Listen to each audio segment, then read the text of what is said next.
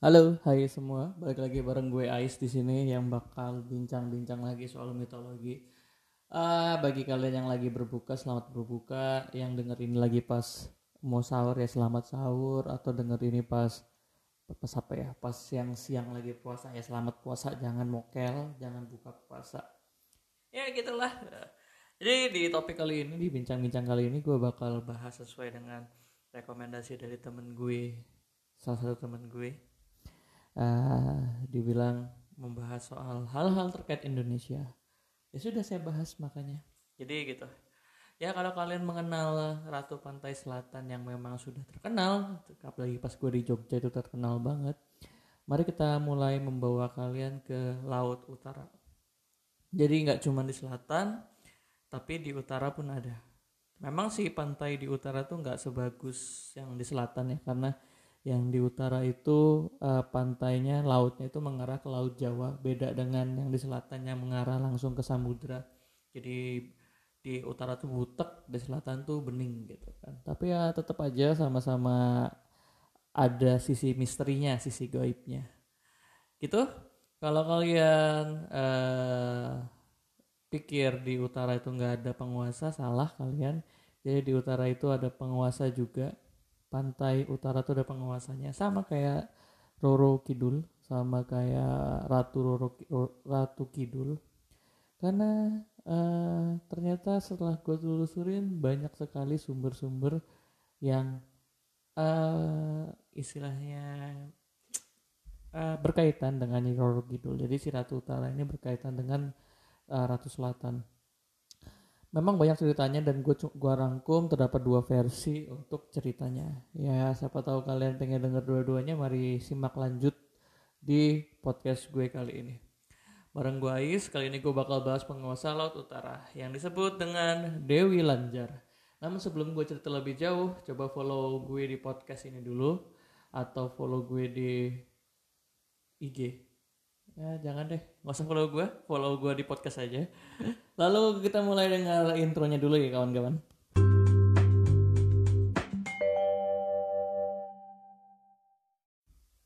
Sebelum gue bahas ini bagi kalian yang memang uh, ingin mencari sumbernya silakan aja cari sumbernya. Dan memang kisah ini sangat berkaitan dengan kisah-kisah kerajaan Jawa ya kisah-kisah zaman dulu.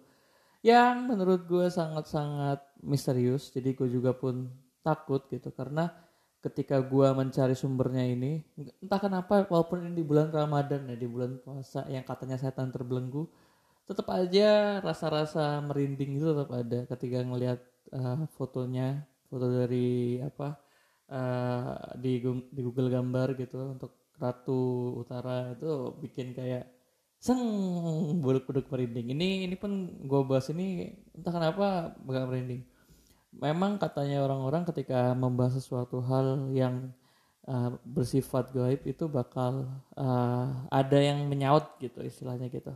Cuman gue yakin ini bulan puasa jadi setan-setan dikurung. Ya gue nggak ngerti juga sih katanya sih demikian. Cuman kenapa bulu kudu gue tetap merinding ya I don't know. Bahkan gue ngomong podcast ini pun tetap merinding.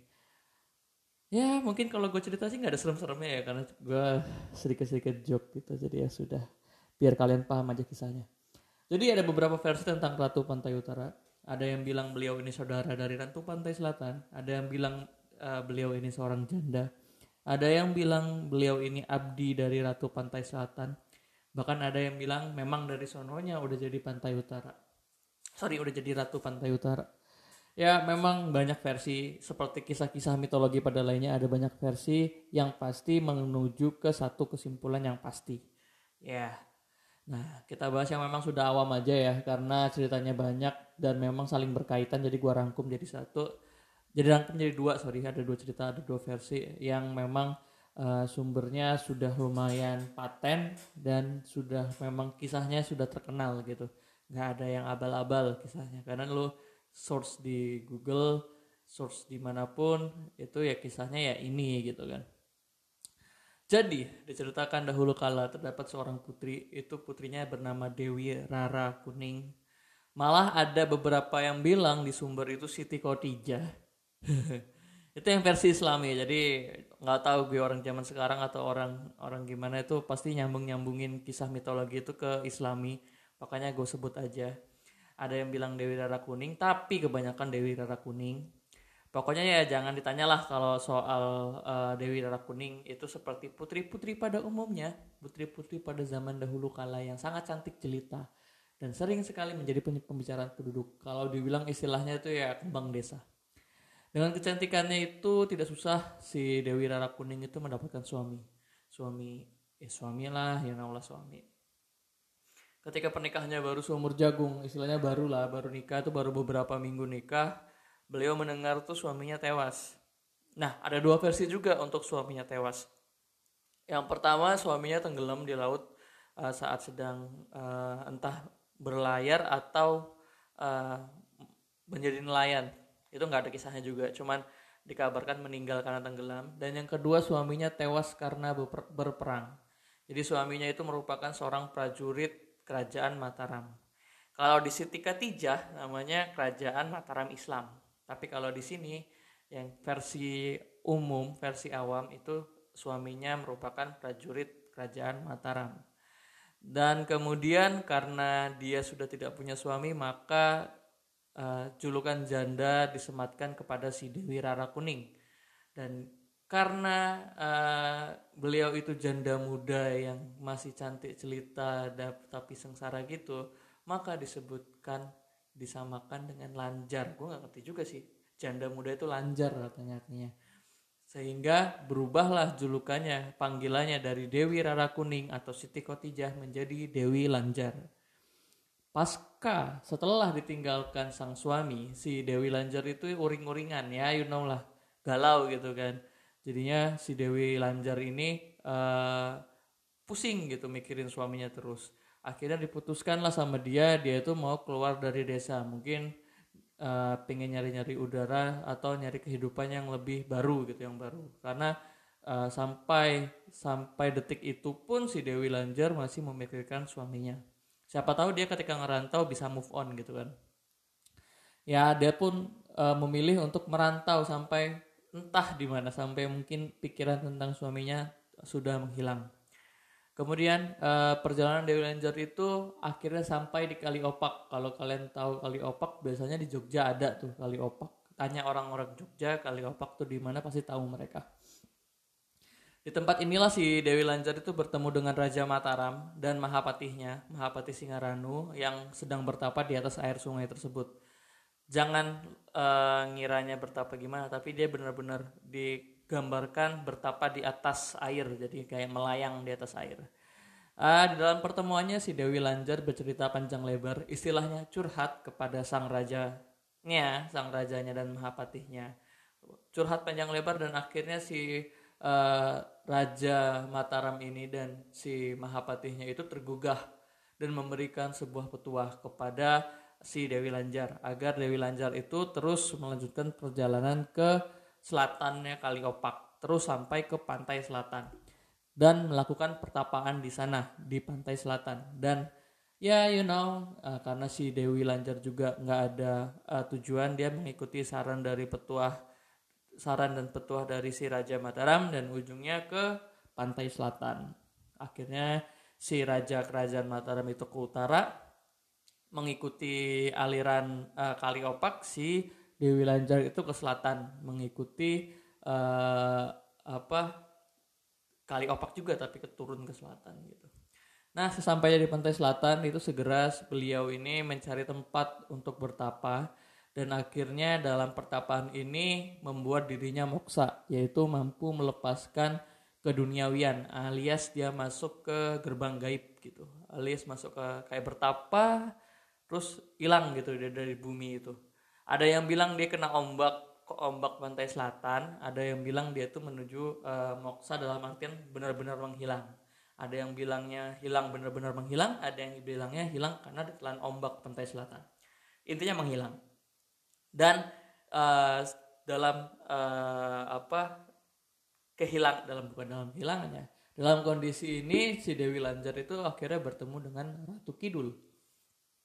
Ratu Pantai Selatan dalam pertemuannya ini Dewi Lanjar meminta kepada sang ratu untuk menjadi anak buahnya dan ratu pun akhirnya uh, bukan akhirnya ya dan ratu pun menyetujui tidak keberatan sama sekali bahkan dan mengangkat beliau si Dewi Lanjar ini menjadi salah satu dari 28 abdi kenasih dari Ratu Kidul.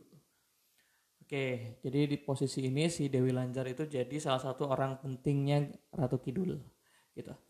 Dan suatu waktu si Dewi Lanjar ini diminta oleh Ratu Kidul untuk mencegah pembukaan hutan Gambiren oleh Raden Bahu atau Raden Bahu Rekso. Bahu Resok, Bahu Rekso. Bahu Rekso susah namanya. Jadi beliau ini adalah pendiri kota Pekalongan ya terkenalnya gitu kan. Dan uh, hutan Gambiren ini berada uh, sekarang ini di sekitar jembatan Anim, Pekalongan dan Desa Surogenan lalu kemudian berangkatlah si ya mungkin dulu Ratu Kidul itu masih menguasai seluruh Jawa ya jadi belum ada penguasa di utara. Jadi yang uh, apa meng, mengurusi itu diminta si Dewi Lanjar. Kemudian si Dewi Lanjar itu berangkat ke lokasi disertai dengan armada jin yang diikut sertakan oleh Ratu Kidul. Sampainya di sana si Raden Bau sama sekali tidak terpengaruh sama sekali uh, dengan godaan yang dilakukan oleh Dewi Lanjar karena kesaktian yang dimilikinya. Jadi si Raden Bahu itu sangat-sangat sakti karena ilmunya. Ada yang bilang ilmunya ilmu kelelawar, aku kurang paham juga. Nggak mau terlalu dalam bahasnya. Yang yang pasti dia memiliki ilmu yang tinggi sehingga Dewi Lanjar tidak bisa mengganggu pekerjaan pembukaan uh, hutan Gambiren. Kemudian karena gagalnya misi di si Dewi Lanjar ini membuat Dewi Lanjar tuh memutuskan untuk tidak kembali ke pantai selatan Alih-alih meminta izin kepada si Raden Bahu tersebut untuk bertempat tinggal di Pekalongan dan meminta izin juga ke Ratu Kidul. Ratu Kidul pun menyetujui dengan hal tersebut uh, dan memberikan masukan untuk bertempat tinggal di utara khususnya di daerah-daerah Pekalongan uh, dan membantu bupati yang ada di sana, bupati pemimpin pemimpin-pemimpin yang ada di sekitar pantai utara. Jadi uh, akhirnya membuat si Dewi Lanjar menjadi penguasa pantai utara. Dan uh, diinfokan juga setelah gue cari-cari. Katanya memang pusatnya itu keratonnya itu berada di kota Pekalongan tepatnya di pantai Selamaran. Kalau di uh, siapa? Gun si Ratu Kidul itu bertempat kan di pantainya Jogja kalau ini di pantai Pekalongan. Ini gue dapet infonya dari sumber kantor pariwisata dan kebudayaan dan juga bukunya karangan Muhammad Solikin berjudul Kanjeng Ratu Kidul dalam perspektif Islam Jawa yang diterbitkan uh, di Jogja. Penerbitnya narasi. Kemudian itu cerita yang pertama terkait uh, si Dewi Lanjar sebagai Ratu Pantai Utara. Ada juga cerita yang kedua, cerita yang agak-agak mirip, cuman memang berbeda. Susah sih jelasinnya, cuman ya begitu. Jadi ada cerita lain yang gue baca tentang Ratu Pantai Utara. Pertama namanya tuh bukan Dewi Rara Kuning. Jadi di cerita kedua itu tidak ada namanya Dewi Rara Kuning. Melainkan bernama Rantam Sari. Yang diceritakan merupakan istri dari uh, seorang Raden Tumeng, Tumenggung, Tumenggung, Tumenggung Bahurekso Putra Ki Ageng Cempaluk. Yang telah gue sebutkan tadi yaitu seorang pembuka hutan, pembabat hutan, pendiri kota Pekalongan. Jadi yang pertama itu ceritanya si Dewi Lanjar itu me, me, apa namanya mengganggu kerjanya si Raden Bahu dan yang kedua ceritanya si Dewi si Dewi ini si calonnya ini si Rantam Sari ini calon Ratu Pantai Utara adalah istri dari Raden Bahu. beda Uh, ini ceritanya diambil dari buku penam, penembahan Senopati jadi kayak buku-buku zaman dulu gitu. Di Alkisah zaman kayak ini sudah gue rangkum ya sudah gue buat ceritanya segampang mungkin untuk dipahami. Susah sih kalau kalau kalau kalian baca soal cerita-cerita Jawa itu. Pusing kalau nggak dipahami. Makanya gue buat ringkas. Jadi Alkisah zaman kayangan uh, zaman dulu zaman zaman kayangan itu masih dipercaya oleh masyarakat Jawa Uh, jadi ada seorang bidadari, sekelompok bidadari yang mandi di air di se sebuah air terjun ya, sebuah air terjun gitu. Dan uh, ada salah satu bidadari yang istilahnya tidak uh, bisa kembali ke kayangan karena selendangnya diambil manusia. Kalau kalian tahu cerita itu, itu adalah cerita tentang Jakarta Rub. Ya, Jakarta Rub. seorang uh, manusia biasa yang mengambil selendang bidadari. Selendang bidadari yang diambil bernama Nawang Wulan. Nawang Wulan akhirnya tergoda, uh, bukan tergoda ya, akhirnya menjadi istri dari Jakarta Rup. Singkat cerita si Nawang Wulan itu berhasil untuk mendapatkan selendangnya kembali dan kembali ke kayangan. Namun waktu di kayangan semua saudara-saudari bidadarinya itu menolak Nawang Wulan karena sudah berhubungan dengan seorang manusia. Sehingga uh, Nawang Wulan pun kecewa. Tapi ada satu bidadari yang uh, tidak melakukan hal tersebut bernama Nawang Sari. Jadi Nawang Wulan dan Nawang Sari ini bersaudara.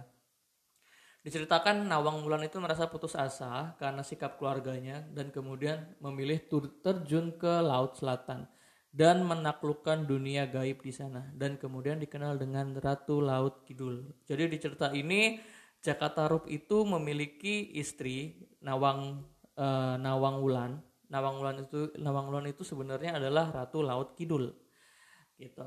Dan si Nawang Sari yang yang istilahnya tidak menolak Nawang Wulan di kayangan itu ikut turun ke bumi dan kemudian menjelma menjadi seorang manusia, seorang wanita cantik bernama Rantam Sari. Nah, kan. Jadi kalau diruntut di sini Ratu Laut Kidul, Rantam Sari saling berhubungan karena mereka saudara ya, saudara di kayangan.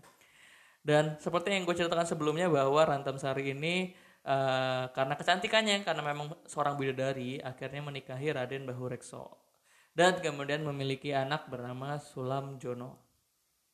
Dan uh, karena persaudaraan mereka yang ketat antara Ratu Laut Kidul dan si si Rantam Sari ini, akhirnya si Ratu Laut Kidul tuh sering sekali untuk berkunjung ke rumah Rantam Sari dan memberikan petuah-petuah termasuk urusan rumah tangga. Hal ini membuat si Raden Bahu suaminya itu kecewa dan merasa tidak tidak diperhatikan oleh Rantam Sari dan memutuskan untuk menceraikan Rantam Sari.